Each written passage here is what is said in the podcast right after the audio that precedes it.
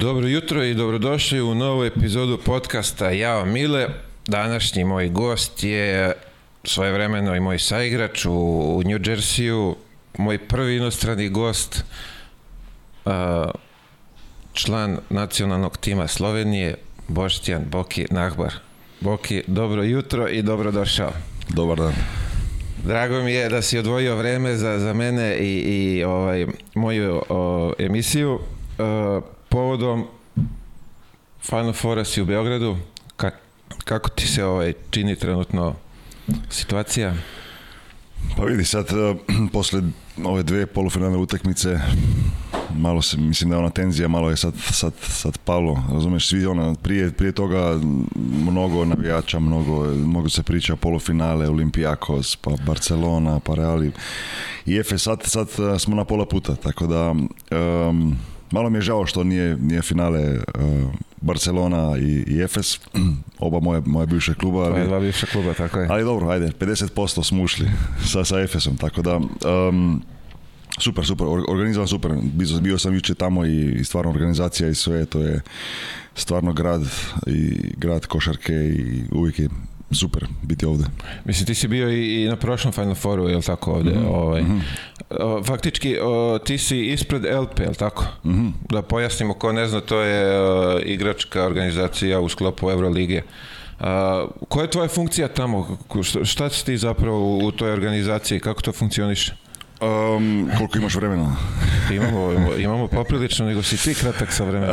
da, pa vidi, e, organizacija koja je sad e, radi u svojoj četvrti sezoni, to je organizacija igrača, to je Unija igrača koje smo stvorili baš ovdje u Beogradu 2018. Tokom Final Fora smo e, uradili taj prvi korak e, zajedno sa, sa igračima. Ja radim i bio sam izabran kao generalni direktor e, Unije igrača i to je da kažem nek neka prva moja, prvi moj zadatak, prva stvar koju radim posle karijere, da kažem full time. Tako da um, uvijek sam imao, imao želju koji igrač da bi se radilo nešto više za igrače, u, pogotovo u najbolji ligi u Europi. A ali uvijek je falila ta kolektivna reprezentacija igrača protiv lige ili protiv klubova, razumiješ? Individualno, naravno, igrač sam sredi neke svoje stvari, tu su agenti koji pomognu, ali kolektivno ispraviti neke stvari, to se nikad nije radilo. Nikad se nije slušalo igrače kolektivno. I to je falilo. Pogotovo naše iskustvo iz Lige NBA, gdje je um, NBPA, Players Association, mnogo jak. Bez njih ne može da se jedna stvar promeni, tako da kada... Tako je. Um, I ništa, to sam, to sam započeo tad i, i sad evo četvrta sezona, prošli smo svašta u četiri godine i pandemija i ova situacija Rusija-Ukrajina koja je promijenila sport uh, i u Euroligi, tako da smo trebali mnogo brzo da odrastemo kao organizacija. Jasno, a reci mi sad koliko ste vi, jeste uspjeli vi da donesete neke bitne promjene koje igračima znače sad za ove četiri godine, da se oni osjećaju zaštićenije ili da imaju kome da se obrate ako je neki problem? mogu da kažem da sigurno da počeli smo sa, sa nekim, da kažem, manjim stvarima. na prvim sastancima s igračima pitali smo koje, koje stvari su njima najbitnije da se, da se promeni. I naravno tu su bile neke stvari počeli smo sa, sa, sa tim da, na primjer, ako gledaš, možda navijači kad gledaju ni, ne vide, ali na utakmicama Eurolige nema više na parketu onih nalepnica. A, To, da, se Reklame one, Reklame. se lepe na Što je, što je mnogo, mnogo igrača se ozlijedilo zbog toga i poredilo zbog toga i imali smo ove sezone Miloš Tedoseć u italijskoj, italijanskoj ligi poredio se baš zbog toga, na primjer.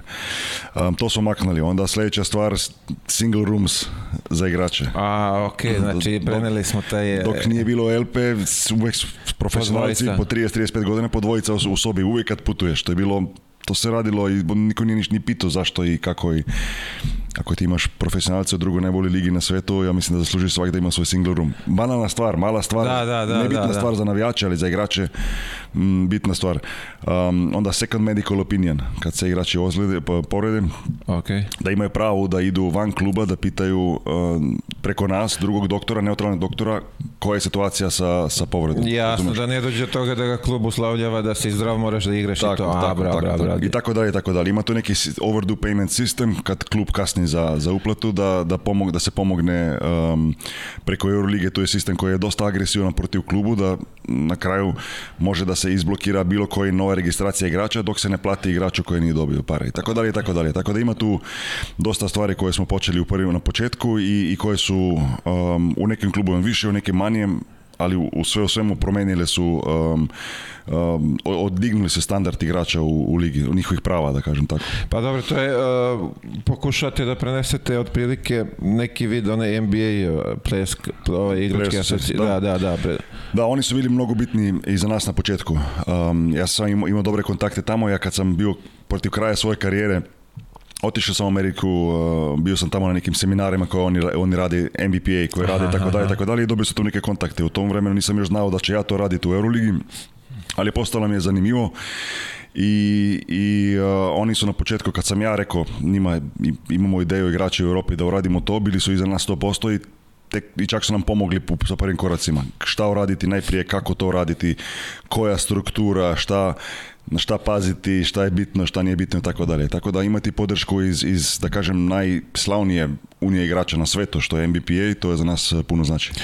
reci mi sad, da li to Euroligi kao organizacija smetala ta igračka, ovaj, igračko udruženje? Ja mislim da Euroliga sama znala je da je, da je liga došla do tačke gdje mora da sluša igrače više. Jer, jer pogotovo u godinama 2015, 15, 16, 17 preLpe počele se mnogo da igrači idu, idu i preko medija da, da, da pričaju o ovim stvarima koje sam ja rekao i, i stvarala se neka negativna atmosfera oko Eurolige u smislu ne sluša se igrača. Tako da mislim da Euroliga je znala da će doći do toga i, i neću sada kažem da su nešto baš pomogli, ali u isto vrijeme nisu smetali. Digli su ruke i rekli su ako se vi igrači organizujete, mi smo tu i možemo poslije pričati.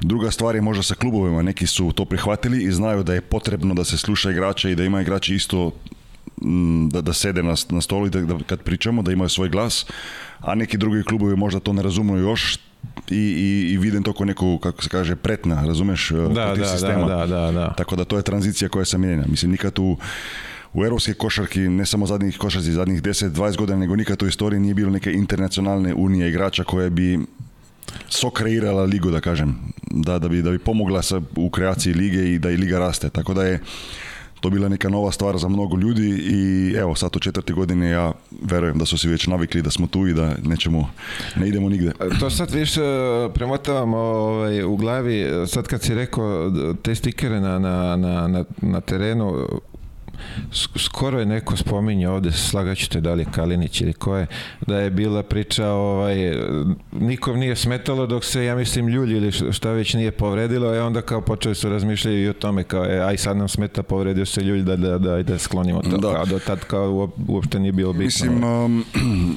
tako ću da kažem, um, mi smo počeli, to je bila jedna od stvari koje smo mi prvo, prvo rekli Ligi, prva naša zahtjeva da kažem, mislim ne, volim taj tu reč baš jer uvijek je treba da nešto daš i nešto dobiješ. Uvijek to u tim razgovorima je nešto, ok, šta, šta mogu klubu i liga dobiti, da naš, mi, oni nam daju nešto, a mi šta daju igrači da vrate da bude da, sve dobro. Da.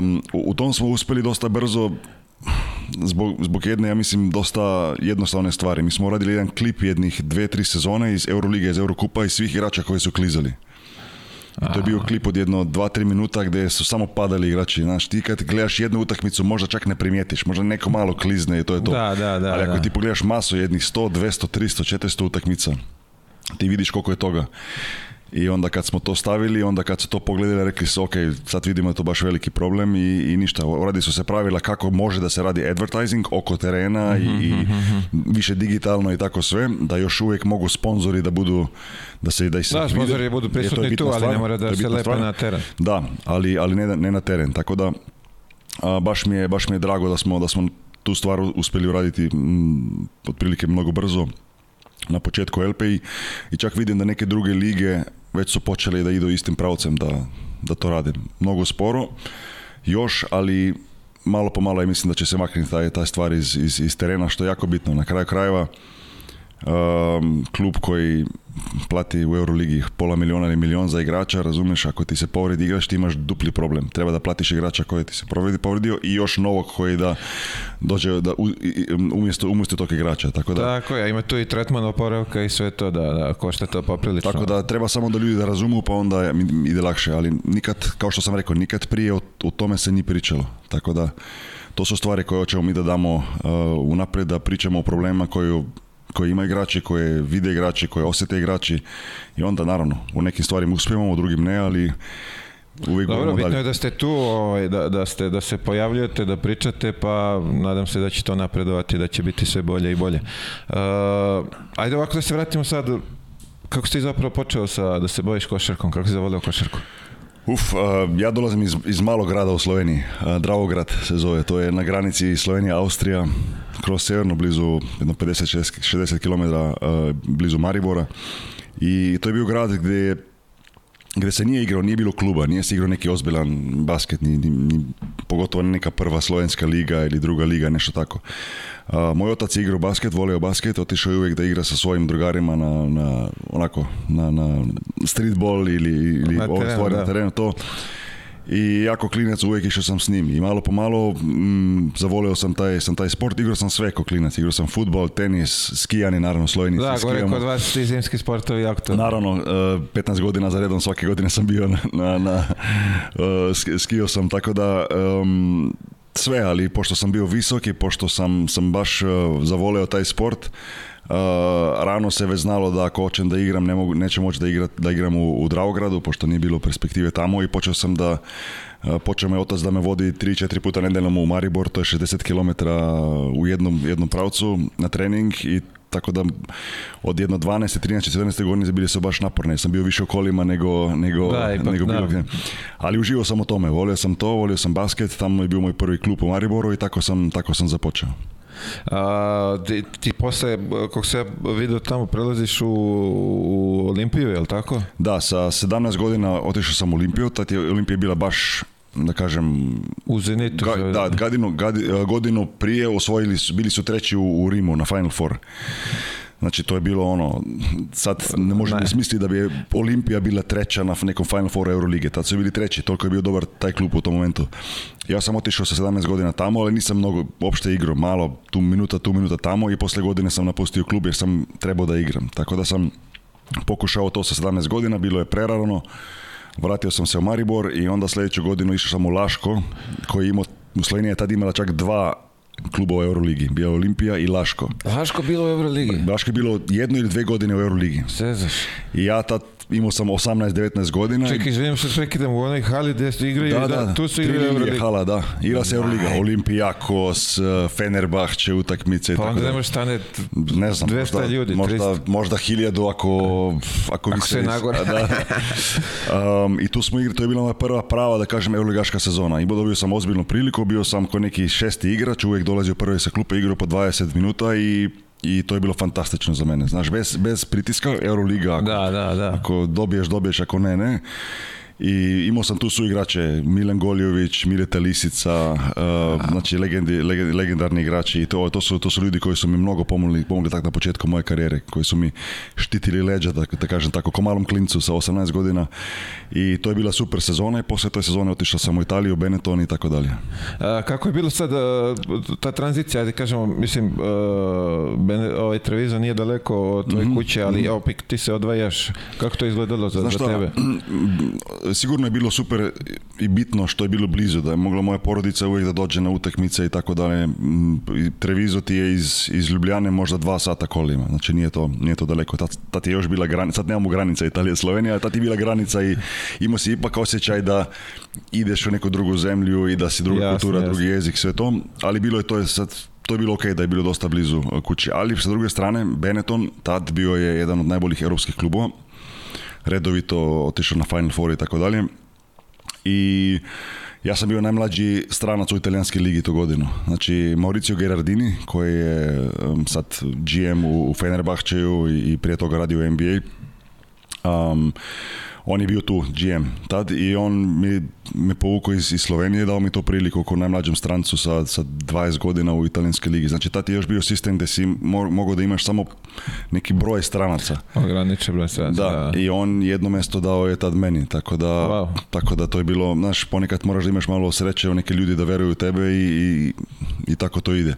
I ništa, dve godine u, u, uh, u Benetonu, tamo je bio moj trener Mike D'Antoni, koji je sad jako poznat NBA trener, to je bio, oni, to je bio njegovo mesto pre NBA. Odakle je krenuo? Da, odakle, od, tamo, tako je. I on je bio prije igrač u Italiji, pa onda trener u Italiji, pa onda čak tek išao da nam uradi trenersku karijeru u, u NBA. I, eh, I ništa, to je bilo to. Imao sam sreću da sam imao te ljude tamo. Mike D'Antoni bio je super za mene jer je bio jedan od tih trenera koji ti daje svobodu i kaže vidi ti si jedan od tih igrača i samo igraj.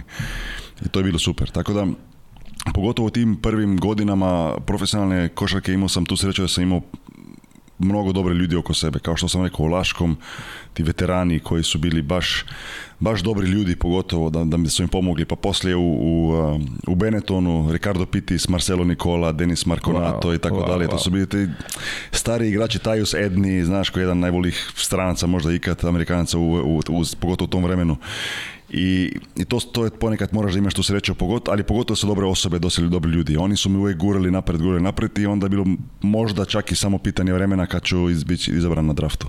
A, posle, a, sa, kad si kod Michaela Antonija, recimo, je li oni i tad u, u Benetonu forsirao ovaj, da. njegov stil košarke kao u Americi? To je bilo, ja čak mislim da je to bio možda neki test za njega da on je ovdje isprobavao kako radi taj takav sistem košarke. Jer on je kod nas je bio Tajus Edni, za one koji se sjećaju, to je bio mnogo mali bek, ali jako brz. To je bila neka da kažem slična verzija možda nekog Steve Nasha u smislu brz, solidan šut, kreator i sve, sve, se radio preko njega i Isto on je rekao, on, Mike D'Antoni, guro nas je da igramo brzo, brzo. I zbog toga smo bili uspješni. Mi smo dobili italijansku ligu, otišli na Final Four, izgubili od, od jako kindera do polfinalu sa Misinom i, i Dženobi, i Jarić i sve to.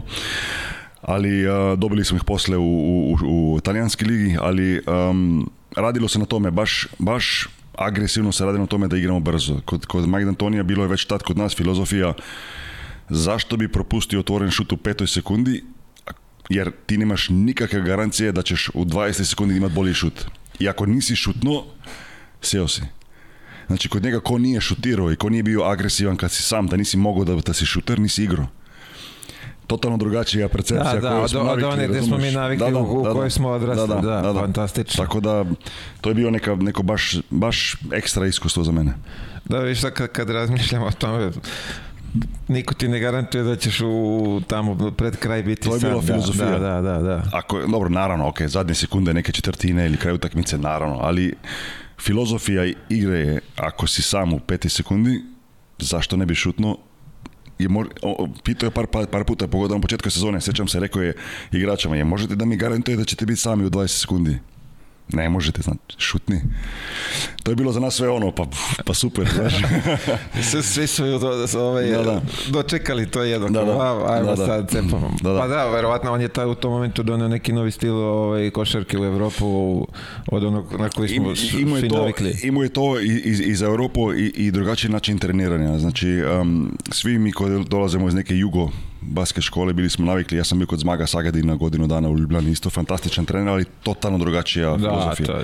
I kod zmaga se treniralo po dva, tri sata, čak možda dan pre utakmice, gaženje, ono, znaš, cepanje, obrana, vamo tamo, sve super, mislim, dve filozofije, ne kažem jedna bolje od druge.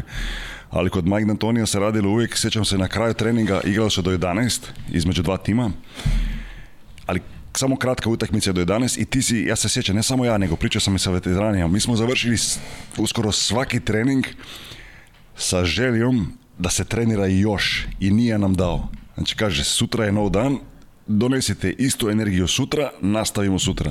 I kroz cijelu godinu trenirali su se, se, se mnogo aktivno, kraći treningi, ali ono, full speed. Ali kratko, 45 minuta, sat, sat 15, ali ono, znaš, i sjećam se koliko puta smo otišli s treninga, dobro, mi mlađi smo ostali, radili smo individualno sve to, ali koliko puta smo otišli kod tim i rekli smo, još nam se igra. Ja mislim da to, ne, to se ne doživi često, razumiješ, dosta puta se, se desi da treneri treniraju do kraja dok ti ne možeš više da hodaš, pa onda da, dao sam sve od sebe, ti se dobro sjećaš što si sve uradio, trener se dobro sjeća što je dao isto sve od sebe i to je to. Filozofija Mike D'Antonija bila je baš, baš drugačija. Divno, divno da, za, za stvarno, ja sam se oduševio. Uh, posle toga sledi draft, jel tako? Mm -hmm. I si išao na workoute, kako, kako to izgledalo? Da, bio sam na, na, mislim da samo na četiri workouta, pošto smo radili, italijanska liga je i mnogo duga, igrali smo finale, prvo polufinale Kinder, finale Fortitudo do 20. juna, a draft je bio, ne znam, sjećam, ne sjećam se, možda 25. jun. Da, da, znači, on je bio sam samo nedelju dana možda i otišao sam odmah posle kad smo dobili posle lige. avion, Amerika nisam bio na Slavliju za prvaka Italije ništa, odmah avion i uradio sam možda četiri workouta u četiri dana. I onda Gde si bio, bio kojim timu? Bio sam u, bio sam u e, Charlotte, Charlotte Hornets, bio sam u e, Indiana Pacers, bio sam u Washington Wizards, čak je bio tad Michael Jordan e, na treningu jer on je bio tad pola igrač, pola predsjednik kluba, ne da, se, bila je neka taka i to je bilo moje iskustvo sa Michael Jordan, nisam igrao protiv njega, ali trenirao sam s njim. Znači vodio je čovjek trening za draft workout. Bio sam šokiran. On je vodio trening za da... On je bio tu. sam, nisam znao da će biti on tamo jer se nije znao da će doći, ali ne, Michael Jordan radi što on Michael Jordan oče. Da, da, da. I došao je taj dan. Ja mislim da nije došao zbog mene, ja mislim da je došao zbog Jared Jeffrisa koji je bio isto, imali smo zajedno workout jer su njega izabrali a nema veze, bio je tu. Sve lepo. da, da, me super, pričao sam s njim, dao mi neke, neki savjet i tako, to mi je baš, lepi, baš lepo ovaj,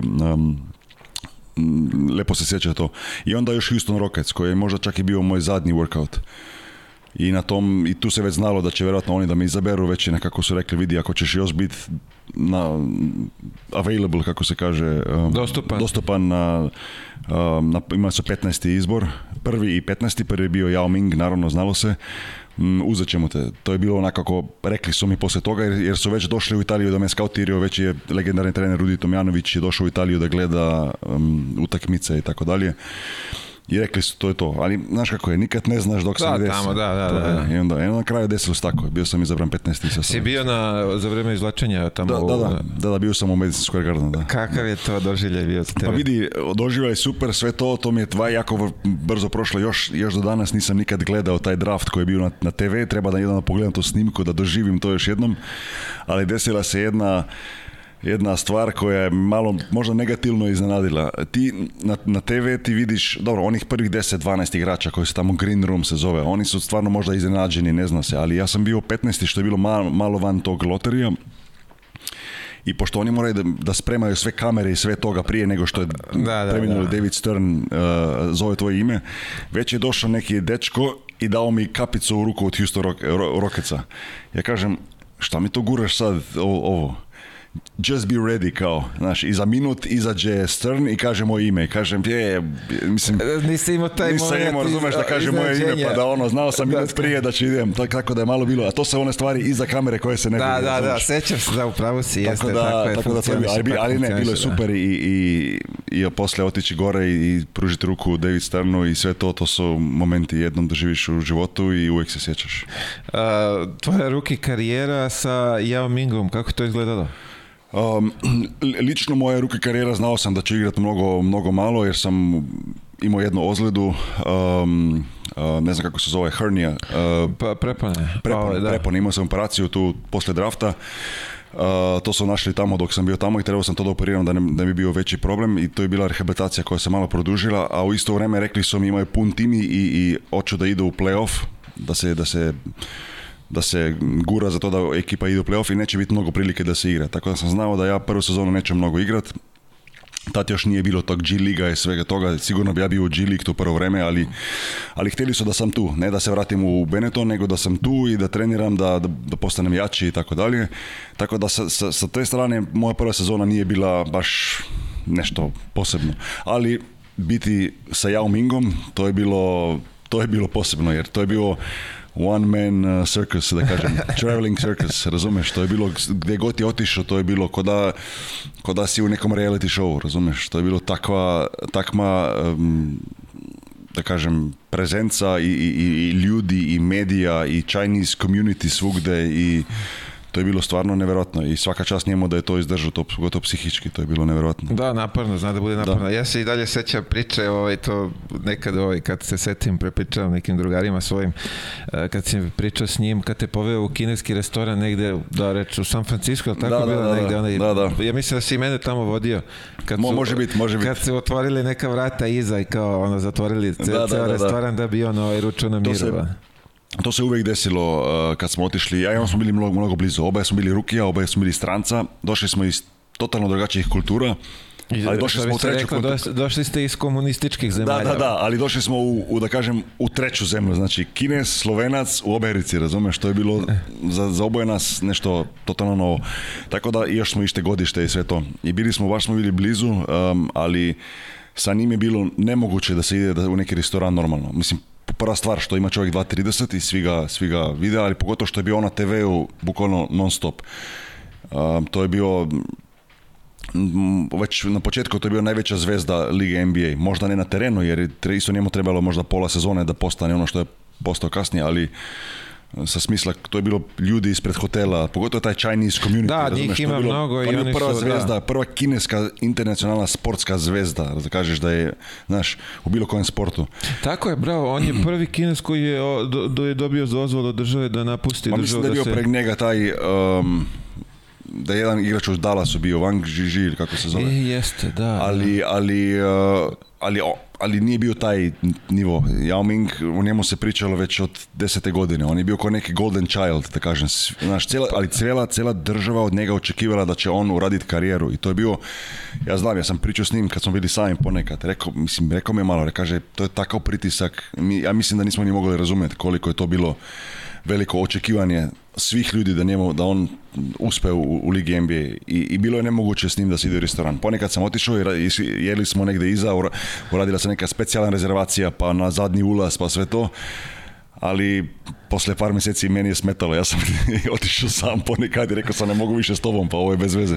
Ko da je Hollywood, eh, gdje god idemo tu je red carpet varijanta, razumeš? To je kao neki ovaj veliki brat, prevelikog brata. Da, da, da. da. Znači, bukvalno pratili su ga u stopu i gdje god je krenuo, to je gomila ljudi koji oko njega. Koga si još zatekao od eh, tih eh, većih imena tada u, ekipi? Uf, um, imao sam baš sreća da sam si igrao s nekim legendarnim igračima. Dobro, Steve Francis je tu bio tad naj, da kažem, prva zvezda tima i kotino Mobley i tako dalje. ali ne znam, mislim da to bila zadnja sezona ili možda predzadnja sezona, e, moja prva, uh, Glenn Rice. Sjećaš se... Da, kako se ne ja iz... E, da. ja mislim. Da, da, da. onda, kad smo menjali tim drugu sezonu, kad je došao novi trener, Rudi Tomjanović imao je neku bolest pa je prestao da, bude trener, um, došao je Jeff Englandi i on je totalno promenio mentalitet ekipe, mi pola, pola zamenio pola tima i došli sada da, da dođu neki stari New York style, da kažem, veterani. Bio je tu Charles Oakley je došao, pa kasnije je došao Dikembe Mutombo je bio tu, razumeš, i tako dalje dalje, tako dalje. To su bili ne, Charlie Ward, tati igrač um, New York Knicksa. a Tyron Lue koji je sad trener, on je bio tu, razumeš, tako da Kako Jim, Jim Jackson... Um, Jim Jackson koji je bio legend, isto ako bi vidio sliku setio bi se da, verovatno, ne mogu setim na ime sad da, da, da, da, e, tako da Ehm, to je bilo sve u Onda se uradio taj veliki trade posle moje druge sezone, Steve Francis i za Tracy mcgrady i došao Tracy McGrady. Tako da to je bilo onda neki totalno novi tim eh, a pogotovo drugačija smjer razmišljanja koja je bila prije dvije godine kad sam ja bio draftovan i znalo se je da tu ja više nisam u toj slici, oni su tražili drugačiji tip igrača, pogotovo iskusnije da bi postali prvaci tad u tom momentu jer Tracy McGrady bio je da kažem u svoje superstar, da. da superstar igrao je tad najbolje u svojoj karijeri i treba da se iskoristi taj window da se da se dobija. Tako da sam ja preko svog agenta tad tražio da idemo neki drugi tim jer sam znao poslije dve sezone gdje nisam mnogo igrao, u drugoj sezoni igrao sam više, ali nisam igrao baš veliko. Ući u treću sezonu i ne igrat nije dobro. Znači, bilo je ili sad ili nikad. Tako da smo tražili da zamjenu i bio sam poslije uh, tradovan u, New Orleans Hornets se tad zvalo. I tamo sam počeo da igram više. Uh, dobio si minutažu, iskoristio si je. Kako izgledalo ta, ti tvoji momenti kad počneš da igraš, kad si bitan deo te ekipe? super je bilo. to je bila ekipa koja je imala naj, najlošiji skor u, ligi tad kad sam došao. Eh, mislim da smo na kraju dobili samo, ne znam, 18, 19, možda 20 utakmica u cijeloj sezoni. Ali uh, igrao sam dosta bio je tu Baron Davis, eh, tad glavni igrač, ehm, igralo se prosto, ono, igraj, znaš, nije bilo dosta, neki sistem, eh, Byron Scott je bio trener, neki sistem napada koji je bilo možda malo komplikovan, ali eh, nije, nije, nije se toliko tražilo pobjede, nego se Razvijeli gledalo u napred. igrači, da i, uh, i tu je sledeću sezonu poslije bio prvi draft, ne znam da je bio prvi, mislim nije bio prvi, tre, možda treći, treći pik bio je Chris Paul. Znači to je bila prva godina Chris Paula koji još sad igra. je igra da. Uh, I to je, bio, to je bio taj tim, tako da um, super, super iskustvo za mene, igrao sam više, igrao sam dosta, igrao sam 20 minuta ili više, 25, ali u NBA nikad ne znaš šta će biti sutra, tako je, da. I došla je opet jedan trade kojeg nisam očekivao i to je bio trade u New Jersey. Um, ja sam znao da će, da će Hornets raditi trade, pošto smo imali mnogo ozgleda na, na poziciji centara. Mm, čak smo ostali, mislim da dan pre trade deadline-a bez, bez centra nismo imali jedne petice koje je bio zdravo da može da igra u sljedećem mjesec dva i znalo se da ćemo raditi trade. Ja se sjećam da sam otišao na trening taj, taj, to taj dan uh, prije podne uradimo trening, svi ono, neka atmosfera čudna u klubu, ono, znaš, ali nema trejda, niko ništa ne priča, nema ništa. Ja idem kući, kažem, kažem Anki, ženi, kažem ajmo mi na ručak da, neće, neće, neće raditi trade, niko ne zove, ništa ne se ne zna idem na ručak, ja imam telefon, čekam neku poruku, ništa, ništa, ništa. Kažem, pa već je tri sata, do tri ima taj trade deadline, ništa, ništa. Baš se sjećam, u restoran poje, pojedli smo ručak, vratim se kući, stavim ESPN i dole vidim ono, prođe moje ime ovako. Wow. Kažem, čekaj malo, moje ime i vidim Boki Nagbar tradovan u, u New Jersey za dva, dva igrača, jedan bio Mark Jackson, ali ne onaj, nego neki drugi centar, da, visoki, i Linton Johnson, koji je isto bio centar. Znači, za dva centra su zamenili mene da bi ekipa dobila centra. Sam si otišao za dva da, centra, da. I ovaj, video si to na TV-u. Na TV-u, ja agenta, kaže mi se, ja bio tradovan, kaže, čeka da proverim. I zove mi za pet minuta, kaže, da, da, baš se desilo, baš sad u zadnjoj minuti se desilo i ništa, ideš, sutra ideš u New Jersey. I ja kažem, pa je... Tako mislim, malo neozbiljno sa, od kluba, ajde, mislim, Tako to funkcioniše, tako, to, tako to Ja mislim da su, oni imali par opcija, na kraju su uzeli tu opciju u klubu u zadnji minuti tog trade deadline, ta trade je prošao i i tako se desi, onda me zvao GM i sve to, ali sve je bilo baš ono last minute, razumeš? I ponekad se tako desi. Dobro, e, sad kad spominješ to, ovaj, ja sam saznao bukvalno pre treninga, ono, kad, kad su mene tradovali, ne znam gdje smo tradovali, čak U, pa isto bre, tamo negdje, u, ne, u New, pa da, isto je bilo za, za New Orleans. Mm -hmm. Faktički, ja se pakujem da idem na trening i, I mislim da me zvao a, pomozi mi... Ko je? Stefanski, Stefanski, Stefanski, da, kao je, kao završili smo to mm, mm. fazonu, dođi, da, pozdravi da. se s ekipom, da. Mislim, do, dosta, dosta... Uh, dosta hladno na kraju ispadne sve, da kažem. Da, a i to je biznis koji ti u tom momentu onako primiš... Ja mislim da, ne mislim da problem, mislim, uh, ako bi igra u NBA sa 30, 32, 35 godina, to, to lakše to prihvaća sve. Jasno, Kad si da. 22, 23, 24 godine, mnogo si mlad i čak prije, ne razumiješ tih stvari kako biznis funkcioniše i da to stvari jeste biznis i, i ti kad si jednom u ligi NBA treba da budeš zadovoljan da si ligi NBA i bilo koji klub igraš tako jedan dan si tu, drugi dan si tamo to je, nisi ni prvi ni zadnji koji će proći to takav je sistem i menjanje igrača je deo toga toga posla ali naravno, nije uvijek lako jer, jer nekako se dobar si postaneš sa suigračima, pa u gradu imaš neke drugare, pa porodica, pa sve to i onda to su neki problemi koji se stvaraju, a to je dio, života. Meni je teže, e, najteži moment pa kad sam došao na trening da se pozdravim s vama, to mi je bilo onako najteže od, svega ostalog. Da. A recimo, ajde New Jersey, tamo smo ovaj, proveli taj neki period zajedno, kako, je, ovaj, kako ga ti vidiš sad posle svih ovih godina? Dolaziš u ekipu sa ja sam došao, top znači, zvezdama. Da, da, znači jedan dan sam bio tu sa Hornicima, koja je ekipa koja nije bila neki ozbiljan tim, drugi dan evo na avioni u garderobi sa Jason Kidom i sa Virs Carterom i mi napadamo prvaka. Mislim, realno mi smo jedni od osam top timova, ali nismo bili baš za, za to da dobijemo. A taj tim je bio zajedno više manje od, od tad kad su igrali finale još sa, le, sa Lakersima i tako dalje i tako dalje. Jason Kidd, Richard Jefferson, Dobro, Jason promenili su se neki da, ali... Carter je došao, ali šta je taj core da. Uh, Martin isto je otišao.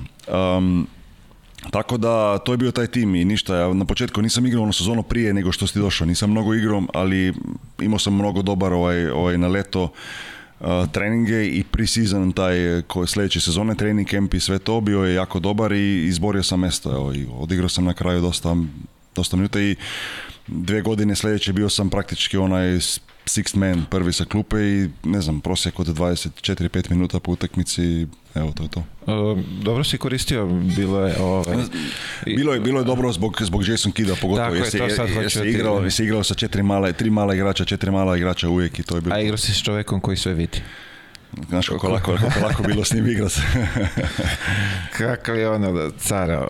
Da, znači, da. bukvalno zna gde ćeš biti da. u za tri sekunde. Ne, nevjerojatno. On, on, ti je, on ti bi mislim, meni se desilo dosta puta s njim da on bi meni unapred rekao gde, da stojim, i kada stojim i, došla je lopta tamo sam. Nekako je, znaš, pogotovo kad si pogotio, ja sam u New Jersey imao to neko ulogu nekog šutera, kao visok igrač, igrali smo sa četiri niska, znači ja, sam, ja sam bio kod drugo, drugo krilo, Richard Jefferson i ja, nijedan od nas nije krivni centar ili centar, pogotovo tad u NBA gdje su bile uloge mnogo više de, mnogo više se stavilo svaka igrača po poziciji. Sad je NBA drugačije sad I, um, I to je bilo baš zanimljivo. On bi, on bi pogotovo kad se pogodio jedno, dve, tricom za redom, on te je tražio, ali nije te tražio da, da cijela sala zna, nego je nešto tamo brljao bez veze i bam, odjednom lopta i evo, treća, četvrta trica i tako dalje. Ne, on je genije, stari, ja sam bio oduševljen. Ovaj, Neverovatno, šta, šta od njega sve može. U stvari, ne znam šta da očekuješ, ali da. najbolje moguće rješenje on će pronaći da. za... Da. Ovaj, neke anegdotice iz tog perioda tamo zajedničke? Uf, mislim, bili smo baš, baš dobar tim. E, dobro, mislim, zanimljivo je to što je Nenad Krstić bio moj susjed. Bili smo baš ono door to door, znači jedan drugo. od tu do tamo bili smo. Vrata do vrata. Od vrata do vrata. Tako da je to bilo baš, e, baš lepo. E, prve godine, mislim da je bio prije nego što je došao, bio je tu i Zoran Planinić. Tako je, Zoka je bilo. da, ja sam faktički zbog njega i došao. Njega su o, beš otpustili ili kako, pa, pa onda otvorio prostor za mene. ugovor, nisu ga produžili, e, nisu mu dali taj option, ja mislim, za, za četvrtu godinu, kako to išlo tada i on je otišao i um, tu godinu bili smo prvi NBA tim koji je imao Slovenca, Hrvata i, i Srba zajedno, razumiješ, tako da je bilo nešto specijalno to, pogotovo u timu gdje je Dražen Petrović imao svoj, svoj da, dres tako da je to bilo nešto posebno.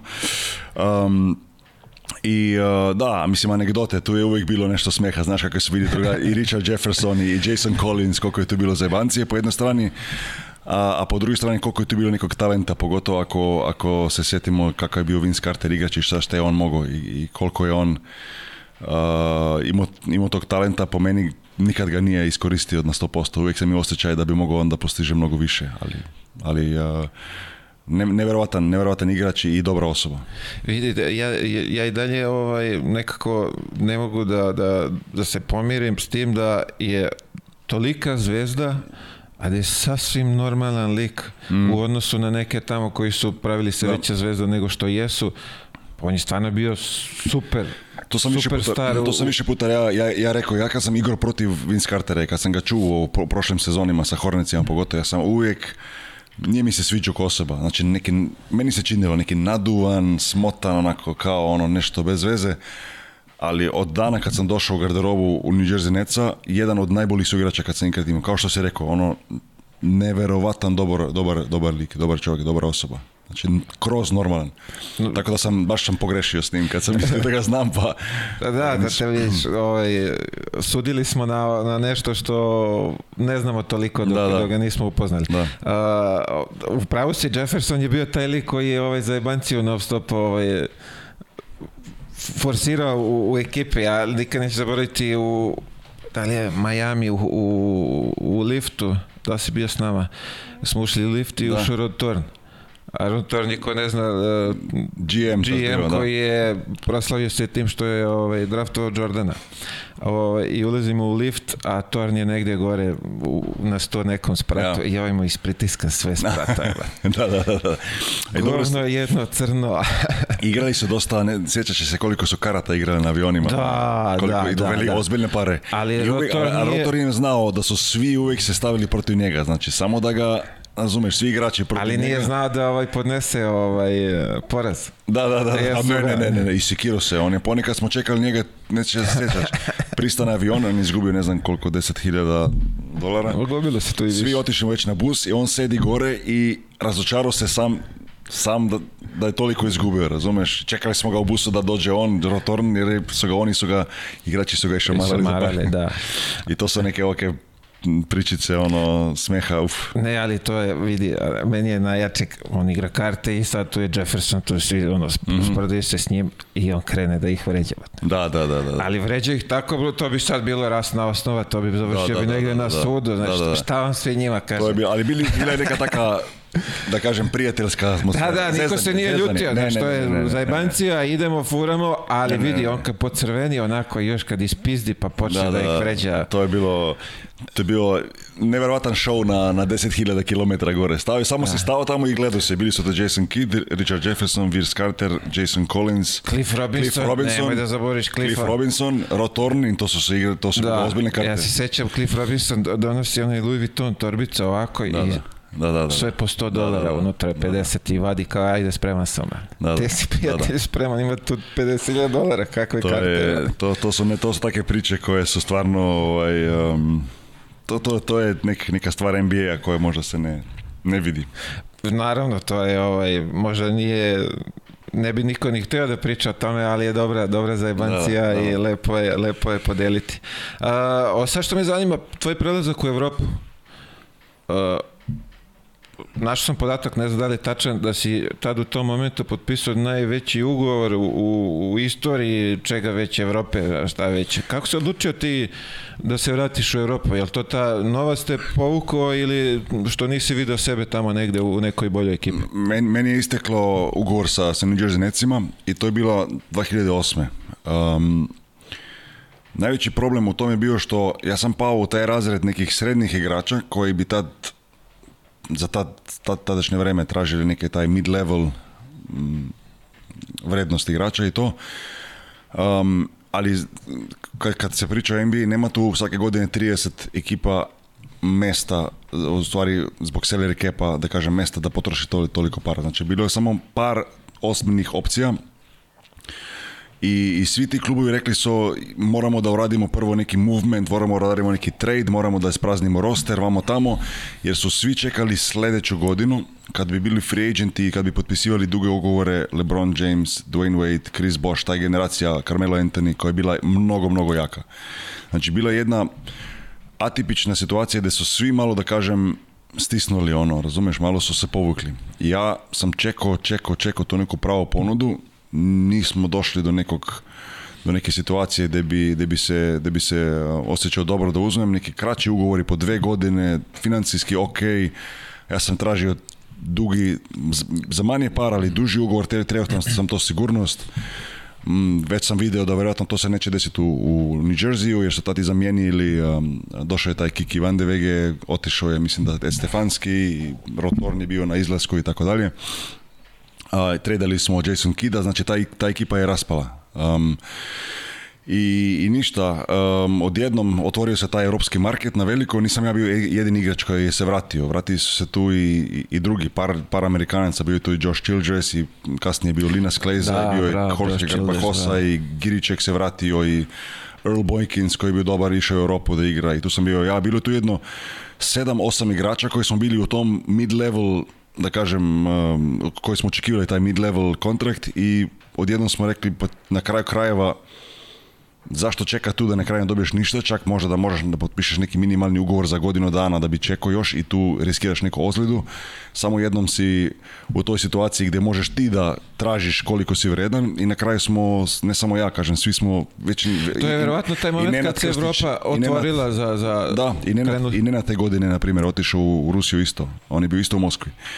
To je tada Triumf, da, da. To smo, svi smo tad nekako, da kažem, vratili se, razumeš, e, u, Europu. Tako da, e, ta to je bilo pre one krize 2829 gdje nije bio nikakve priče o tim velikim klubovima, o problemima financijskim i tako dalje. Ja sam potpisao trigodišnji ugovor u Moskvi u Dinamo, ali već prije moje prve sezone klub je, je, je počeo da raspada zbog wow. financijske krize i svega toga. Tako da sam od tri godišnjeg ugovora na kraju samo godinu dana bio tamo i već pošle godine dana otišao sam dalje u, u FS i bio tamo. A reci mi sad, tranzicija nazad eh, posle NBA, posle svega toga idealnog tamo što ima, ti se vraćaš u Rusiju gdje je Znaš šta, sa jedne strane da, teško, to je drugačna zemlja, to je sve drugačije, ali sa druge strane taj klub je bio mnogo dobro organizovan, imao je neverovatno veliki budžet, Imali smo svoj čarter avion, imali smo ne znam, stavljam, tam u Boski sam živio u nekoj American Village se zvalo, oko neki gated community, onako pun Amerikanaca iz Kanačana i tako dalje, tako dalje, tako da sve to je bilo nekako spremno i taj šok nije bio toliko velik. Ja sam bio spreman da tamo igram tri godine, razumeš, bio je tu i David Blatt trener, imali smo jako dobar tim, dosta kvalitetnih stranaca i sve to je bila je tu neka priča da, da nije to NBA, ali to je, razumeš, sa, sa, sa za, za Europu i za, za, za financijski gledano imao je mnogo smisla. E, vjerojatno u toj situaciji bio bi deset puta, 10 puta bi rekao ja, jer je tad u tom momentu za mene to bila najbolja opcija. Tako se desilo. Nije da sam ja imao NBA pa, da, da, pa, da, pa Europu pa sam rekao ne, neću NBA. Nego takva je bila situacija, ja sam to tad morao da uzmem ili, ili da reskiram mnogo u, u ligi NBA što nisam bio spreman da radim. Tako da to se desilo na kraju tako i kao što sam rekao nisam bio jedini, mnogo nas se vratilo ali posle, već posle godine, dve, kad sam bio u Europi, video sam koliko brzo ljude te zaborave. Ja sam imao ideju da ću iti u Europu godinu, dve, imao sam tad ugovor 2 plus 1, imao sam taj NBA out, ali kad ti igraš u Europi godinu, dve, nije to isto, već si van lige i, vratiti se je mnogo teško. Znači, A jesi pokušao, imao si namjeru da se vratiš? Imao sam, imao sam opcije, imao sam opcije da, da, se, da se vratim, imao sam čak i, i neke ponude, financijski male ponude, ali u isto vrijeme rodila mi se čerka, živjeli smo u Istanbulu, lep je bio grad, razumeš, bliže kući, počneš malo drugačije da gledaš sve i na kraju sam rekao vidi sad tražiti taj NBA opet i taj ludi život tamo i nikad nisi kući 82 utakmice i sve to. Imao sam već 30 godina, razumiješ, rekao sam ne, produžit ću ovdje u, Europi i onda na kraju sam evo FS, pa Nemačka, pa na kraju Barcelona i tako dalje. E, to su se bile euroligaške ekipe Sema, mhm. Sevilje i Dinama, je li tako? Da, da. Znači ove tri stvarno Euroliga. Da, druga se bila Euroliga, da, da. Mislim i Dinamo realno bio je to nek Euroligaški tim, da kažem, da, sa, idejom da se dobija Eurokup um, i dobili bi Eurokup da ne bi bilo tih financijskih problema. Mi smo bili suvereno najbolji Eurokup kroz cijelu sezonu. Tako da, da, na kraju jedino Sevilija je bila, gdje sam završio karijeru, samo smo igrali ACB i to sam namjerno bio tamo da se igra manje, da se igra Subota, subota. Subota, subota sa 36, 37 godina i to je bilo to. A sad kad ovako pogledaš, gdje je bilo naj, najlepše od, od tih europskih? Pa, pa svak, svako mesto bilo je u svom vremenu nešto, nešto posebno. Istanbul, da sam živio dve godine, fantastičan grad. baš smo, baš smo ko, ko, ko familija proveli, smo lepo vreme tamo. Onda sam bio u Njemačkoj, Bamberg, koji je malo mesto Uh, ali, ali super za familiju. Tamo mi se rodila, rodila druga čerka i, um, i, i, super smo se proveli. Imao sam fantastičnu sezonu i zbog toga mi se e, samo Izvini, samo u Bambergu je trener bio... Chris Fleming, Amerikanac. A nije uh, Trinkieri, ne? Ne, to je bilo prije. Prije, bilo prije. Aha, aha.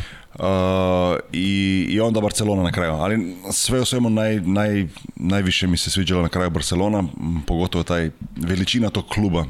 Možda ne toliko basket, ali taj futbol tamo i i koliko kataloncima znači taj, taj klub biti deo toga, to je nešto nezaboravno i, možda od svih tih gradova rekao bi Barcelona na kraju krajeva. Po poređenje liga?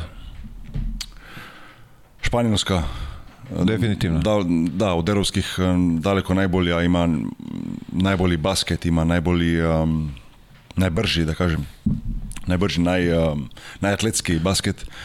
Um, isto e, Turska liga je teška, e, dosta fizička, e, ali ja mislim da ipak je, je Španjolska ta, ta liga koja je još uvijek, vidi se to i po rezultatima, imaš dva kluba na Final Four ovdje, imaš Španjolce koji je dobio FIBA Champions, možda ne toliko u Eurokupu ove godine, ali bio je Juventud Badalona koji je bio suvereno prvi, pa je onda ispao protiv eh, ne znam koga Eurocup, ali izgubili su i ispali su na kraju krajeva. Da, ne mogu eh, sada. Tako da, da, ima, imaju oni nekako zadnjih možda 10-12 godina, taj, taj Španjolci imaju sigurno najbolju ligu Europe, možda čak i 15. Pa, da, sigurno. Da, da, 15-20 godina, definitivno. Da, da. Mislim, na početku je bila, bila je tamo Grčka liga, tamo krajem 90-ih, možda italijanska bila je mnogo jaka, do negdje 2-5, dok je bila tu još Benetton i Sijena.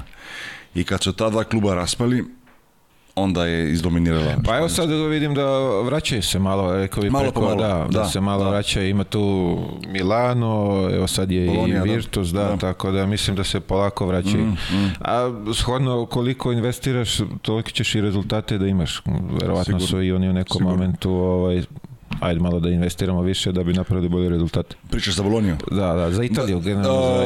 E, da, da, malo se dignulo. Mislim, pa, imam dosta drugara u Italiji u klubovima i jedna stvar koja je još uvijek e, dosta loša je, ne, ne, ne investira se u novu infrastrukturu. Sve sale su stare, znači mnogo je ni Milano ne igra, igrao taj forum milanski koji je mnogo star, e, stara hala, nema toga. Igrao sam u Nemačke godinu dana, ja sam se iznenadio koja je neka Nemačka koja ima mnogo manje budžete, ali mnogo zdravliju strukturu klubova koliko tu nekih novih arena. Za 4000, za 7000, 10000, svaki ima neku novu arenu, znaš. U Italiji nije se, ja mislim, 20-30 godina izgradilo ništa, ništa novo. Toma to fali. Pa dobro, onda šta ćemo reći ovde na pa bivšoj jugi, nećemo o tome Druga, druga priča. Pa da. A, termin na nedeljom u, ACB-u u pola jedan utakmica. Mm, Kako je to na tebe u tim godinama? Ti ipak... S jedne strane ok, s jedne strane ok. Um, ne sviđa mi se više od onog termina uveče, za mene uvijek sedam posle podne je najbolje, mislim uveče je najbolji, najbolji termin, 7.30. Ali nekako navikneš, pogotovo kad si um, kad si družin, kako se kaže, familijarni čovjek, pa završiš utakmicu u 2-3 poslije podne, pa da imaš, Onda pa imaš ideš dana, na ručak. Pogotovo ako dobiješ utakmicu i sve je okej. Okay. I, I, to je to je. U dobrom raspoloženju ideš na, da, na da, poradični da, ručak. Da, da, da, ali ono, malo je malo, malo je, malo, ponekad je malo, malo je naporno. Ne toliko kad igraš neke, uh, neke utakmice koje, pogotovo kad smo bili u Barceloni pa imaš te rane utakmice, pa nekako znaš za kvalitetu da ćeš dobijet do, utakmice, ali kad imaš neku tešku utakmicu, koje već počne u 12 ili 12.30 i moraš toliko ranije da se spremaš i toliko ranije da ustaneš i već dan prije možda si malo nervozan i svi u klubu malo su nervozni, to je, to je malo naporno. Da. A, da se dohvatimo nacionalnog tima Slovenije, kako, kako, je, kako si ti to video ono što, što, čega se ja sećam, vi ste imali dobra imena, ali nikako ne negde da napravite neki rezultat. Da, mi smo uvijek bili tu sa, sa tom mojom generacijom, bili smo nekako blizu. Bili smo 2-5 um, ovde u Beogradu, ispali smo četvrt finala protiv Nemačke, ali imali smo tim da ide čak i do kraja, jer smo u grupi dobijali Francuze i, Grke i sve. Um, 2-9 polufinale po produžecima izgubili od Srbije u, na, na Polskoj i na kraju za treće mjesto izgubili od, od, od Grka u zadnji sekundi, nešto tako. Um, 2.13 isto prilika da dobijemo nešto u Sloveniji Eurobasket, pa smo na kraju izgubili od Francuza koji su bili prvaci u četvrtfinalu, pa smo na kraju mi završili ko peti, znači imali smo samo, ja mislim da smo izgubili jednu utakmicu i to je bilo ta, na primjer. Tako da, uh, uvijek je nešto malo falilo, uvijek je nešto bio neki taj, taj, taj zadnji korak, možda čak ko, ko, ko reprezentacija, ko država nismo bili dosta spremni i jaki da bi postigli nešto, nešto više.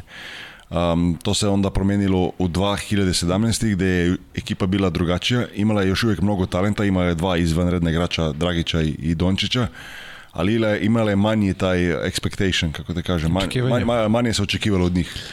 I tu su radili to. Je. U prešnje godine, prošle godina mnogo se očekivalo od nas. Tu se očekivalo manje i postigli su na kraj više. Tako da, ali ako ti gledaš sve e, od 2003 pa do 2017, tih 15, 14, 15 godina, malo po malo i uvijek bili smo bliže, bliže, bliže. Uvijek se radilo ko generalno pričano, znaš, počelo se od toga da Slovenija uopšte nije otišla na europsko prvenstvo u početku od od, od kad je bila svoja država i tako dalje. Pa onda prvo europsko prvenstvo, pa onda ispali iz grupe, pa onda u drugu, drugi round, pa onda polufinale, pa tako dalje. Po korak. I na kraju se desilo da smo, da smo dobili, tako da. Pa ono, stvarno, ozbiljna imena ste imali u repstaciji, počev od e, Milića, Rašene mm.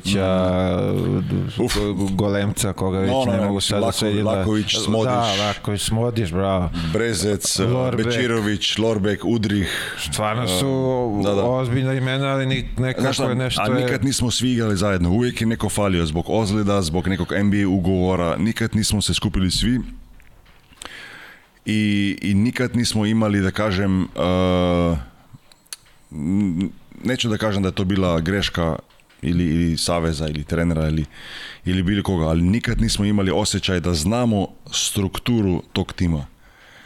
Ko je lider, ko je glavni, ko će imati zadnji šut, ko će da radi i ko će biti 12. igrač i biti zadovoljan to je malo falilo. Ne, ne, ne pričamo o tome da smo se svađali, mi smo još danas, ja sam svima nevjerojatno dobar drugar, mi smo ta generacija, mi smo do kraja života ćemo biti nekako dobri drugari i stvarno smo se lepo proveli zajedno. Ali nikad nismo imali taj osjećaj, te strukture, ko, kako, da dobijemo nešto, razumiješ? Svi smo nekako bili, pa ja u NBA, pa ona je u Barceloni, pa jak Laković u Panathinaikos, pa Brezec NBA, pa Udrih NBA, pa Nesterović kao da su nas kupili iz, svih zajedno i svi morate da dobije, dobijete. Falila je ona struktura, to to sad kad gledam nazad, ja mislim malo, nije se tačno znalo i ja mislim da ako bi se to uradilo na pravi način, da bi dečki bili spremni da prihvate veću ili manju ulogu, samo se nikad nije o tome toliko pričalo. A, dolazimo do sad ere Luke Dončića. Kako ti gledaš na sve to?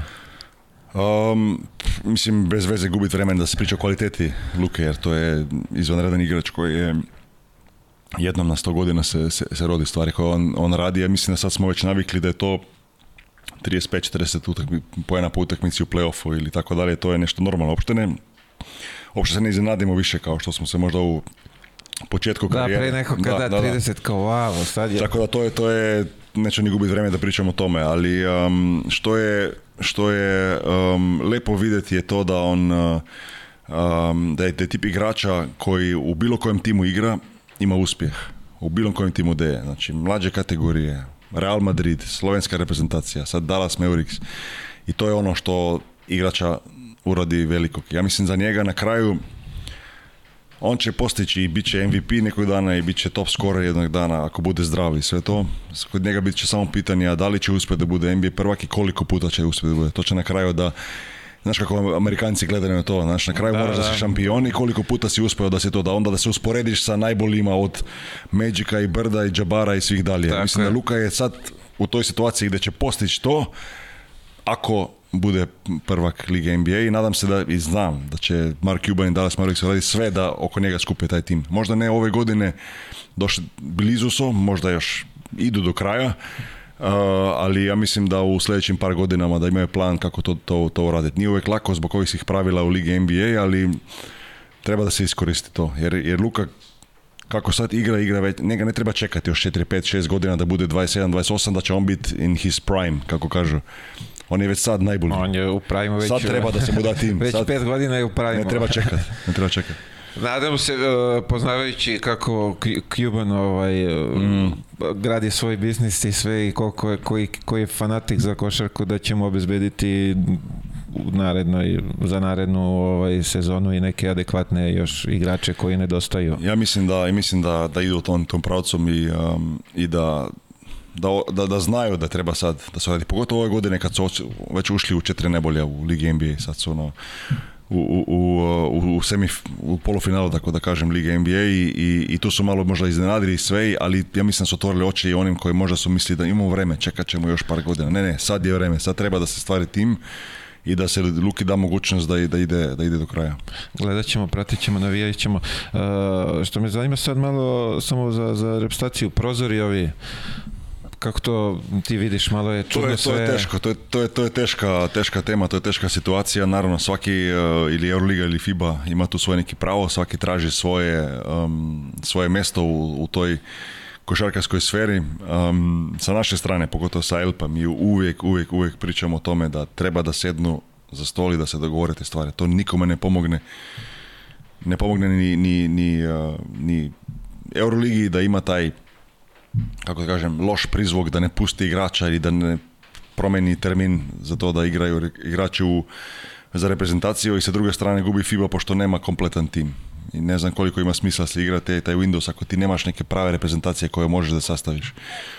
A pogotovo igrači tu nije, nije, nije to greška igrača, nisu tu krivi ništa igrači. Igrači imaju želju da igraju i za reprezentaciju i za klub, ali sve u svoje vreme i da se sredi, a ne da se šeta levo desno ko da su najmanje bitnije, a u stvari su najbitniji deo, tako je, toga. Tako je. kako vidiš Euroligu sljedeće godine? U kom, u kom smislu? Pa, for, ovaj, format, mhm. da li će Rusi biti, neće biti... Um, ja mislim da vidi... Uh, vidimo kojim, koji, koji trend je sad nastao, FIFA uradila svoje odluke, um, UEFA uradila, uradila svoje odluke, da su izbacili ruske, ruske ekipe, FIBA isto sad to radila. Ja mislim da, da, da će Euroliga sad uskoro da sednu klubovi da, i da rade te oficijalne odluke um, za sezonu. Izvini, ali vidimo juče uh, sam pročitao da je CSKA poslao zvanični dopis da će učestvuju... To su, da kažem, i neki legalni koraci koje moraju oni da radi da štiti svoj interes, ali um, ja mislim da je, da je eh, jedna stvar što moramo svi da, da, da znamo je, nismo mi u sportu da diktiramo te stvari. Radi se o nekim mnogo veće stvari što je rat u Ukrajini, što je politika koja je tu iza toga i te stvari će da diktiraju u kojem pravcu će da ide sport. Kao što sam rekao, neke organizacije već su uradile odluke u, u, toj, u toj smeri. Euroliga je malo drugačija pošto je to komercijalna, zatvorena, um, da kažem, um, tvrtka, kako se kaže, razumeš, u nekom smislu. Nije to International Federation, tako dalje. firma, da. Tako da klubovi treba da, da, da, da urade to odluku, a naravno i klubovi u isto vrijeme gledaju financijsku situaciju, kako što bolje proživjeti, i što bolje progurati tu, tu, tu krizu. Nisu to, nisu to za njih lake, lake odluke, um, ali su to odluke koje će se morati raditi. Znači neće ih biti sljedeće godine definitivno. Mislim, nije još definitivno dok oni ne kažu oficijalno, ali... Da, ali, ali, tvoj neki utisak je mislim, da... Mislim, u početku jula uvek se znaju ekipe za sljedeću sezonu. Znači sad smo kraj maja, za dva mjeseca znači. Neće oni u zadnjem minutu da to prihvate, ja mislim da će to u, u sljedećih par nedelja da se zna sigurno. Tako da, i kako danas to je situacija, ja ne vidim kako bi mogli ruske klubovi da tak, takmiče putovanje jedna stvar, a druga stvar je koja, koji klub će imati dozvolu države da prihvati ruski tim da igra. Da, ima i to. Tako dalje, tako dalje. E to je već, smo, opet smo, opet smo politike. Opet je politika ona, politika je taj koja će diktirati stvari. u prošloj emisiji imao sam ovdje e, trenera Senčura i pitao sam ga gore za Sloveniju kako to sve izgleda i rekao mi je da imaš najbolju akademiju u, u Sloveniji um, kamp poletni, nije akademija baš kroz cijelu godinu, nego je letni kamp. A, letni, kamp, aha, to radimo već, mislim, na 16 godina. u Kopru smo svake godine u drugoj, drugom delu jula i e, stvar, baš je lepo organizovana stvar. Um, mnogo kvalitetnih trenera, internacionalni kamp, znači dolaze igrači iz, iz Španjolske, Italije, Njemačke, Austrije, čak i Srbije, dolaze Hrvatske u, u prošlosti i tako dalje. I, uh, I to je lijepa stvar, to je nekako počeo sa to još kad sam igrao u New Jersey da uradimo nešto malo jednu godinu, pa onda svake godine je malo naraslo i evo sad imamo više od 200 dece svako leto da, da trenira sa nama i um, svake godine dođe neki od, od, od igrača u, posjetu i priča sa mladim, mladim igračima i tako dalje i tako dalje. Imamo super uslove u Kopru, super hala, 100 metara od plaže i, eh, i tu smo već 16 godina za redom. Sklopili ste idealne uslove za, da, za, za da, naravno. A, ima li nešto što nismo se dohvatili, nešto da bi da istakneš, a da... Pa ne, mislim da je bilo da, je, da, da smo super, da smo, da smo prošli ove, ove stvari koje Drago mi je što smo pričali jer dugo vreme nisam pričao o nekim mojim stvarima, pogotovo ono NBA pa Italija pa neke malo da situacije, da se malo i ja pa, sjetim kako je pa- bilo ponekad malo, malo zaboravim, brzo ide vreme, pogotovo kad imaš e, djecu, ti znaš kako isto, to je sav fokus i na deci, na porodici i ponekad e, zaboraviš te, te stvari, zaboraviš da sjedneš i da malo razmisliš šta si sve doživeo u svom životu, ali zbog toga su ove situacije, ove prilike toliko bolje. Vidi, pričali ćemo mi i duže, s obzirom da već ovaj, moraš da kreneš na, na, sastanak. Želim ti svako dobro, uspešno tu igračku organizaciju, da to vodiš u najboljem mogućem ovaj, interesu igrača, da ih zastupaš što je moguće bolje, da se to razvija. Pored na privatno planu želim ti svako dobro, pa nadamo se opet da. Kroz koju godinu... Da, voleo bi još kad sam sledeći put Neke, neke nove priče. Tako je. Hvala ti, Mile. Svako dobro. evo Dragi gledavci, bio je to Boki Nagbar. Hvala vam na, na izdvojenom vremenu. Budite tu uz nas. Vidimo se sljedeće srede. Pozdrav.